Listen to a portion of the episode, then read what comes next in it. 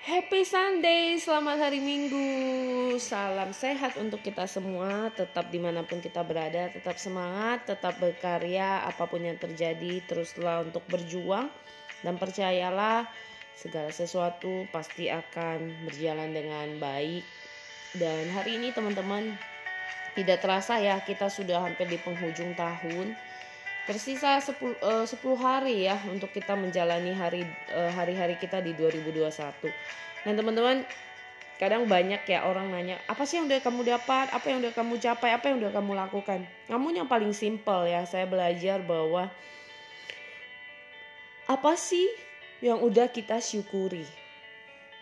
Dari bulan demi bulan, tahun, apa yang udah kita syukuri selama 365 hari yang kita jalani. Dan mungkin di podcast saya ini juga sama ya dari awal tahun 2021 dan sampai hari ini mendekati ke akhir tahun dari 2021. Saya bersyukur ya bahwa setiap bulan ada aja mungkin keajaiban, ada aja segala sesuatu yang terjadi mungkin di luar dari pemikiran saya sebagai manusia. Dan Tuhan izinkan itu semua boleh terjadi bukan karena kehebatan diri saya Nah teman-teman hari ini kata bersyukur mungkin bukanlah hal yang mudah ya. Di saat kita punya masalah, di saat kita punya bisnis e, bangkrut, di saat kita mengalami jatuh bangun, mungkin tidak mudah untuk ngomong bersyukur.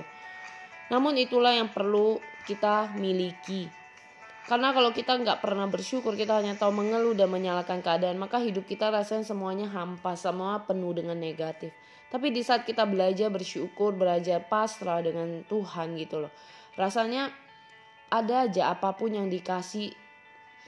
Dan dia tahu gimana jalannya. Tiba-tiba ada yang mungkin cari kita dengan uh, bisnis kita ada yang beli produk kita dan sebagainya gitu. Jadi buat teman-teman ingatlah bukan selalu lihat ke masalah masalah dan masalah.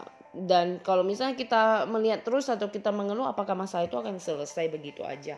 Ya pasti nggak akan ada kan harus cari solusi gitu. Jadi sama halnya ya dalam kehidupan kita ini dan teman-teman mari belajar bersyukur. Bersyukur mungkin kata yang singkat, uh, simple, tapi melakukannya itu memang butuh effort. Mari kita berlatih diri kita mempersiapkan tahun yang akan datang ini dengan benar-benar memiliki hati yang bersyukur. Dan jadilah seorang pribadi yang hebat, yang luar biasa, yang selalu punya pikiran positif. Semangat pagi, selamat berkarya, dan selamat menikmati weekend bersama orang-orang yang kita kasihi.